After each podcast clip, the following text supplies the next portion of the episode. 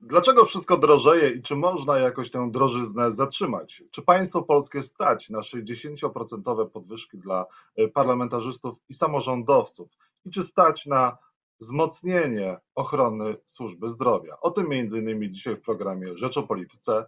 Jacek Nizinkiewicz, zapraszam.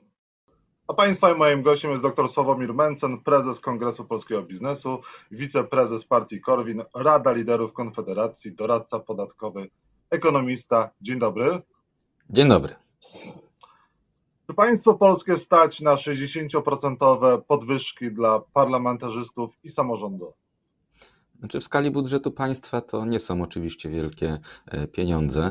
Timing jest fatalny, forma, forma przeprowadzenia tego również jest fatalna, ale nie ukrywajmy, e, od wielu lat było wiadomo, że parlamentarzyści czy członkowie rządu zarabiają po prostu za mało. Poprzednia decyzja o obniżeniu ich wynagrodzeń była e, czysto populistyczna, więc w mojej ocenie ta, znaczy merytorycznie rzecz biorąc, ta decyzja się broni, cała jej otoczka jest oczywiście niedopuszczalna.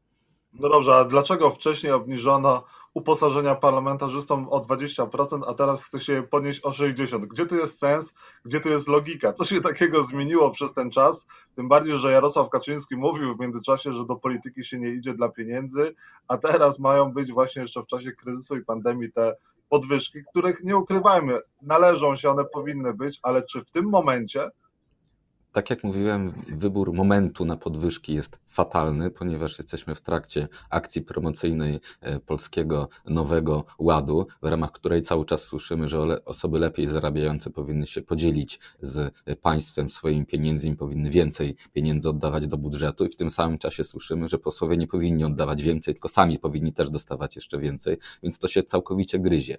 E, pierwotna ta obniżka o 20% była związana z tym, że Prawo i Sprawiedliwość miało kryzys związku z premiami dla członków rządu i wtedy Jarosław Kaczyński podjął decyzję, żeby w takim razie obniżyć wynagrodzenia parlamentarzystom, którzy akurat w tej sprawie byli Bogu ducha winni i nic nie zawinili, więc jest to trochę przywrócenie, oddanie im sprawiedliwości. Z tego co wiem, w Sejmie nastroje są takie, że posłowie doskonale zdają sobie sprawę z tego, że za mało zarabiają. Jak w głębi ducha, to są za te podwyżki na pewno bardzo wdzięczni, ponieważ nie ukrywajmy, oni od lat nie mieli żadnej podwyżki i niedługo na kasie w Biedronce będzie zarabiało się po prostu więcej niż poseł Rzeczpospolitej Polskiej, więc merytorycznie jak najbardziej te podwyżki są uzasadnione, ale moment w jaki to sposób zrobiono, sposób w jaki to zrobiono, czyli rozporządzenie prezydenta po to, żeby nie brać na siebie ciężaru politycznej odpowiedzialności za te podwyżki, no jest fatalny.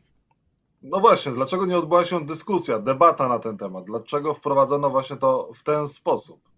Ponieważ politycy doskonale wiedzą, że z punktu widzenia e, obywateli ich wynagrodzenia i tak są jeszcze wyższe niż średnia, są wyższe niż mediana, więc taka dyskusja zawsze jest ryzykowna. Może się okazać, że, że ludziom się bardzo nie spodoba to, że posłowie powinni zarabiać więcej. Z tego też powodu co roku e, awanturę o podwyżki ewentualne dla e, polityków mamy w wakacje, kiedy jest sezon ogórkowy, kiedy ludzie są na wakacjach, kiedy się nie interesują polityką, to wtedy właśnie jest robione z nadzieją na to, że ta dyskusja będzie jak najcichsza no i takie rozporządzenie prezydenta rzeczywiście nie przechodzi przez Sejm, nie mamy głosowań w Sejmie, w Senacie, opozycja nie ma szansy, żeby przeciwko temu gwałtownie zaprotestować, bo nie ma nawet głosowania i z tego powodu wybrano właśnie taką metodę.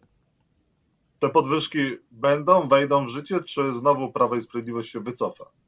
To znaczy, e, z tego co wiem, Prawo i Sprawiedliwość to tu nie ma nic do gadania. Prezydent po prostu podpisał rozporządzenie i te wynagrodzenia automatycznie wzrosły. Żeby je cofnąć, trzeba by teraz zmienić polskie prawo, trzeba by zmienić ustawę, więc znowu powinien się pojawić projekt ustawy, musiałby przejść przez Sejm, Senat i zostać podpisany przez prezydenta. I do tego jest daleka droga.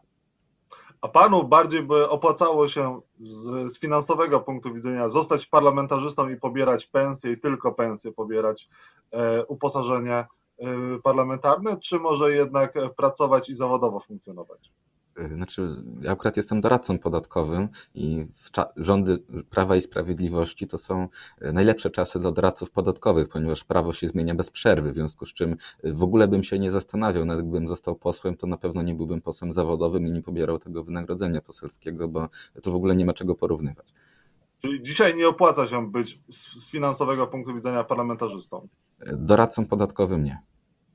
Czy doradcom podatkowym nie opłaca się być parlamentarzystami? Co do tego nie mam żadnych wątpliwości. A co z, ochroną służby zdrowia? Czy powinna ona zostać jakoś w tej chwili dofinansowana? No bo widzimy, co się działo, e, ile mieliśmy e, zgonów w czasie pandemii i czwarta fala pandemii jest przed nami.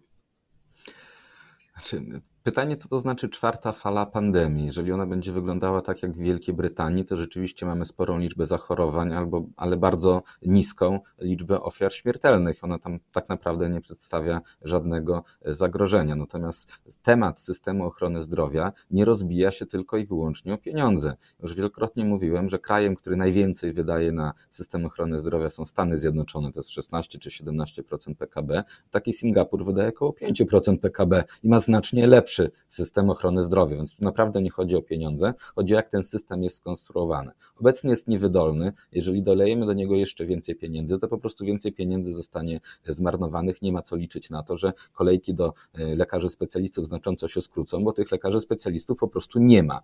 Jeżeli teraz za te same wizyty zapłacimy im dwa razy więcej, to dzięki temu lekarze specjaliści się nie rozmnożą. No, tak to po prostu nie działa. Proces kształcenia lekarza specjalisty to jest kilkanaście lat. Średni wiek, w którym lekarz zostaje lekarzem specjalistą, to jest 38 lat. Więc jak ktoś teraz idzie na studia medyczne, to po około 20 latach zostanie lekarzem specjalistą. Tyle to trwa. W związku z czym to nie jest coś, co da się naprawić w ciągu roku, dwóch, trzech czy nawet pięciu i dosypanie proste pieniędzy też tu w żaden sposób nie pomoże. Ale jakoś musimy się przygotować do tej czwartej fali pandemii, bez względu na to, jak ona będzie wyglądała, a wiemy, że ochrona służby zdrowia jest niewydolna. To co w takim razie może zrobić z ochroną służby zdrowia? Sprywatyzować?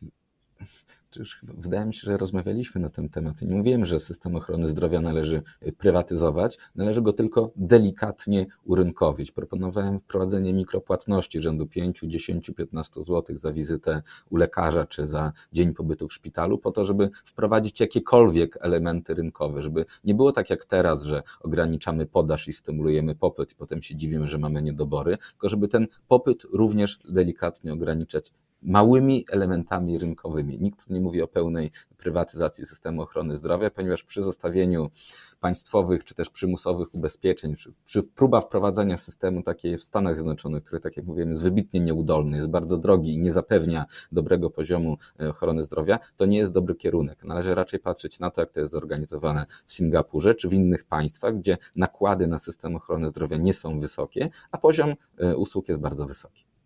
Mhm.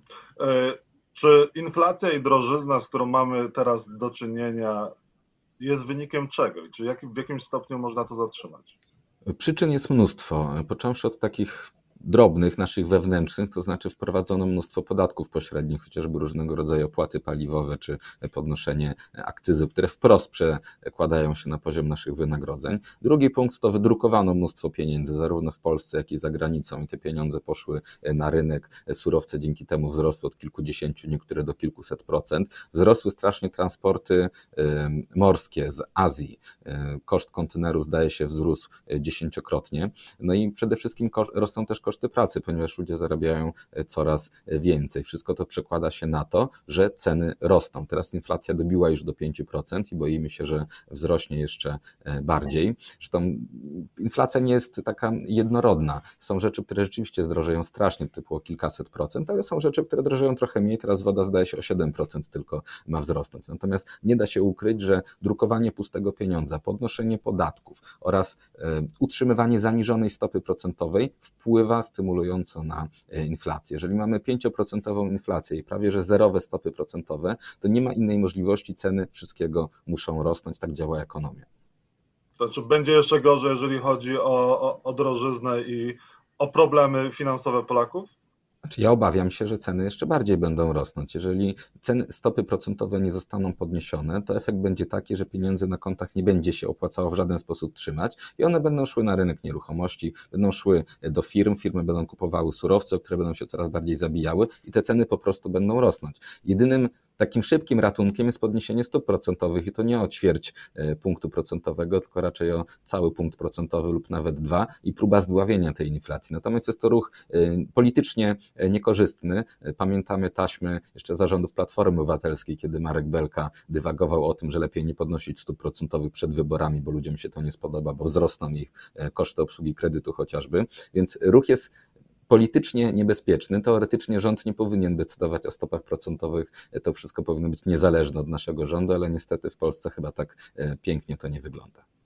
No ale jest Polski Ład, który ma ulżyć e, polskim e, podatnikom, między innymi stworzyć nową klasę średnią i sprawić, że wszyscy na, to, na tym, przepraszam, aż się zakrztusiłem, wszyscy na tym zyskają, a nikt nie straci, tak mówi minister finansów. Prawdę mówi?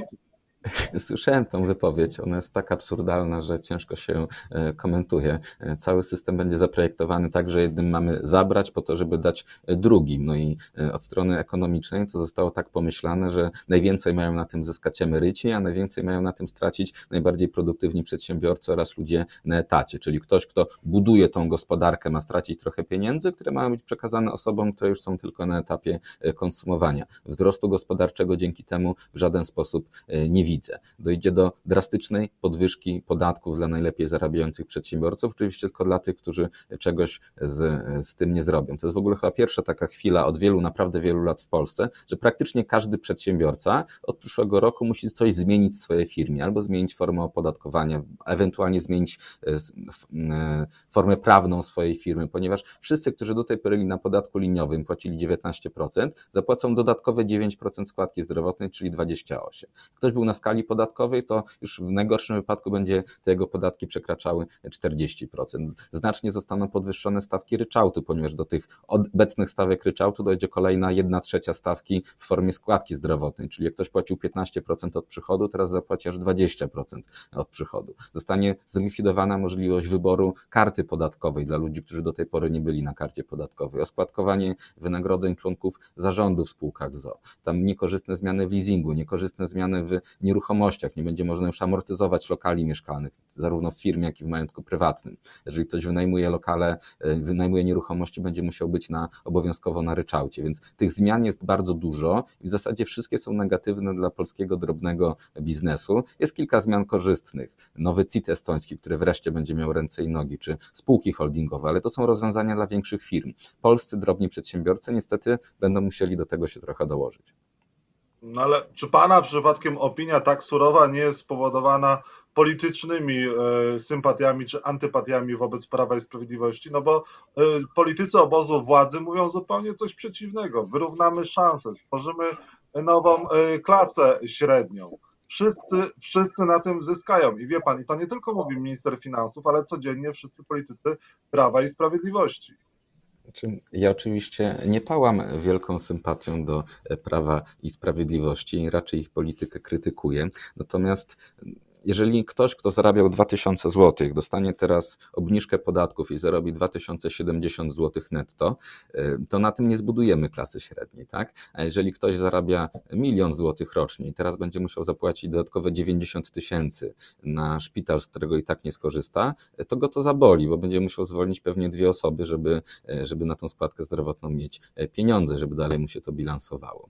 Więc wie pan, od kiedy ogłoszono Nowy Ład, doradcy podatkowi przeżywają szturm klientów, bo praktycznie każdy przedsiębiorca musi coś zrobić ze swoimi podatkami, żeby na tych zmianach nie stracić. I oni naprawdę, to są ludzie, członkowie klasy średniej, przedsiębiorcy, oni naprawdę nie czują, żeby rząd ich w tym momencie wspierał. Oni nie czują, że zyskają na tym nowym ładzie, tylko czują, że ktoś chce ich ograbić po raz kolejny z pieniędzy. No to w takim razie po co jest wprowadzany ten polski ład? Kto na tym skorzysta, kto straci? To jest bardzo ciekawe pytanie i odpowiedź nie jest oczywista. Jak analizowałem sobie te zmiany podatkowe, to okazuje się, że najbardziej stratne to będą samorządy, a najwięcej zyska rząd centralny, konkretnie Prawo i Sprawiedliwość. Niech pan zobaczy, jak poszczególne zmiany podatkowe zostały zaprojektowane. Podwyższenie kwoty wolnej do 30 tysięcy oraz drugiego progu do 120 tysięcy spowoduje spadki z podatku dochodowego. Połowa tego podatku dochodowego trafiała do samorządów, a połowa do budżetu centralnego. W związku z czym połowę tych kosztów biorą na siebie samorządy. To ma być wyrównane podniesieniem składki zdrowotnej i zakazowi odliczania tej składki zdrowotnej. Gdzie idzie cała składka zdrowotna? Do NFZ-u kontrolowanego przez rząd. Przedsiębiorcy są wręcz zmuszani tymi nowymi zmianami, żeby porzucili podatek liniowy. Znowu podat połowa podatku liniowego szła do samorządów, połowa do rządu i przechodzili na ryczałt. A wie pan, gdzie idzie całość dochodów z ryczałtu? Do rządu. Samorządy nie mają ani złotówki z podatku ryczałtowego. Likwidowana jest karta podatkowa, najprostsza, naj, najniższa metoda opłacania podatku dla najmniejszych przedsiębiorców. Całość dochodów z karty podatkowej zostawała w samorządach. Ani złotówki nie szło do budżetu centralnego i efekt karta podatkowa jest zlikwidowana. Więc wszystkie te zmiany mają służyć temu, żeby samorządy miały jeszcze mniej pieniędzy niż teraz, a żeby budżet centralny mniej więcej się zbilansował. I teraz Mateusz Morawiecki będzie organizował różnego rodzaju granty, dotacje, subwencje i dopłaty dla samorządów i swoim palcem będzie wybierał, który samorząd te pieniądze dostanie, a który nie. Teraz bardzo ważna rzecz, nie wszyscy widzowie pewnie wiedzą, co do zasady wszystkie miasta są kontrolowane przez opozycję. Największym miastem kontrolowanym przez ludzi PiSu jest chyba Zamość na 65. miejscu. Więc wszystkie te opozycyjne miasta będą miały teraz mniej pieniędzy, a te, które będą chciały żyć dobrze z rządem, te, które będą grzeczne, to dostaną ze specjalnego rozdzielnika zwrot tych pieniędzy. Więc jest to cały ten nowy ład jest jednym wielkim zamieszaniem, które naprawdę nie zmieni mocno sytuacji finansowej ludzi zarabiających najmniej, to będą delikatne zmiany, mocno zaszkodzi dobrze zarabiającym przedsiębiorcom i zmusi ich do wykonywania różnego rodzaju przekształceń, żeby uniknąć tej podwyżki podatków i najbardziej negatywnie odbije się na kontrolowanych przez opozycję samorządach. A czy Prawo i Sprawiedliwości politycznie może pomóc? Tego jeszcze nie wiemy. Na razie y, narracja utrzymuje się taka, że ludzie zdają sobie sprawę z tego, że rząd kłamie i że zapłacą po prostu więcej. Jak widzę kolejne badania opinii publicznej, to ludzie tego nowego ładu się po prostu boją, nie wierzą w to, że zapłacą mniej i boją się, że to oni sfinansują y, tą całą imprezę. Więc póki co, y, stan na początek sierpnia 2021, wydaje mi się, że nowy ład PiSowi nie pomoże. No, jeżeli pan e, włączy TVP, TVP Info, zobaczy pan, że tam są zupełnie odmienne komentarze e, od tych, które pan teraz wygłosił. Myślę, że nawet Mateusz Morawiecki nie czerpie wiedzy o świecie z TVP Info. Dlaczego? Może nie wierzy w rzetelność oraz wiarygodność tej stacji. Zresztą w tych mailach Dworczyka było widać, że gdy mówił coś korespondent TVP, to Mateusz Morawiecki prosił o inne źródło i w ogóle mu się nie dziwi. A jeżeli chodzi o właśnie tą aferę mailową, ma Pan takie poczucie, że sprawa jest zamiatana pod e, dywan? No tam na tych prywatnych wiadomościach e, są informacje dotyczące państwa kwestii wrażliwych podawanych. Oczywiście, że sprawa jest zamiatana pod dywan. Wystarczy porównać sobie to, co się działo z nagraniami Platformy Obywatelskiej, a to, co się dzieje z mailami e, PiSu. Wtedy media związane z obecnym rządem rozdmuchiwały te nagrania tak bardzo, że bardziej się nie dało. Obecnie narracja jest taka, że nie wolno o tym mówić, nie wolno o to w ogóle pytać, bo to e, jest e, powtarzanie jakiejś rosyjskiej propagandy, wpisywanie się w rosyjską prowokację. Ja chciałbym bardzo, żeby najważniejsi urzędnicy w Polsce odpowiedzieli w końcu, dlaczego stosowali pocztę prywatną do omawiania najważniejszych służbowych tematów. Mają służbowe maile i ich powinni do tego wykorzystywać. To jest pierwszy aspekt. Drugi, rzeczywiście znajduje się tam wiele niepokojących rzeczy. Przede wszystkim potwierdziła się teza, którą stawiało mnóstwo ludzi, że jedną z najważniejszych rzeczy przy podejmowaniu decyzji przez ten rząd są nastroje społeczne i oczekiwania ludzi. To znaczy decyzje nie są podejmowane pod kątem merytorycznym, co jest słuszne, co jest e, korzystne, jak powinno się robić robić, tylko jak nasz elektorat na to zareaguje, co o tym powiedzą media i jak to wpłynie na nasze słupki. Więc rząd, który nie kieruje się tym, co jest słuszne, co jest dobre, co jest korzystne, a tym, jak wyglądają mu słupki sondażowe, niestety musi działać źle i cały czas obserwujemy te złe działania. No ale minister Michał Dworczyk przeprosił i na dalsze pytania w tym temacie odpowiadać nie chce. Czy te przeprosiny sprawę załatwiają i powinny załatwiać, czy może to powinny być jakieś dymisje? Czyli ja się dziwię, że nie doszło w tej sprawie do żadnych dymisji. Wiem, że w Stanach Zjednoczonych był, jest trochę inny stan prawny, ale jednak tam sprawa maili Hillary Clinton była trochę głośniejsza, miała znacznie większe konsekwencje niż u nas. Według mnie same przeprosiny tu nie wystarczą, powinno się e, zdymisjonować, być może dworczy, sam powinien pewnie się podać e, do dymisji, ewentualnie powinny dojść do istotnych zmian w prawie dotyczących korzystania przez najważniejsze osoby w Polsce z poczty prywatnej do załatwiania spraw państwowych. Warto przypomnieć, że służby ostrzegały i premiera, i ministra Dworczyka, żeby nie korzystali z tej poczty prywatnej do właśnie takich e, celów. Mimo wszystko najważniejsi urzędnicy w państwie z premierem i, i szefem kancelarii premiera zignorowali te ostrzeżenia służb. Zresztą nie, myślę, że nie tylko służby ich o tym informowały. To, że Mateusz Morawiecki korzysta z Gmaila, tym Gmailem całą Polską zarządza, to już kilka lat temu słyszałem, w jakiejś gazecie zdaje się o tym był artykuł, więc o tym wiedzieli w zasadzie wszyscy i nikt z tym nic nie zrobił. Doktor Sławomir Mencen był Państwa i moim gościem, doradca podatkowy, który ma ręce pełne roboty dzięki Prawu i Sprawiedliwości. Tym bardziej dziękuję za to, że Pan znalazł czas na rozmowę. Również dziękuję za zaproszenie. Wszystkiego dobrego.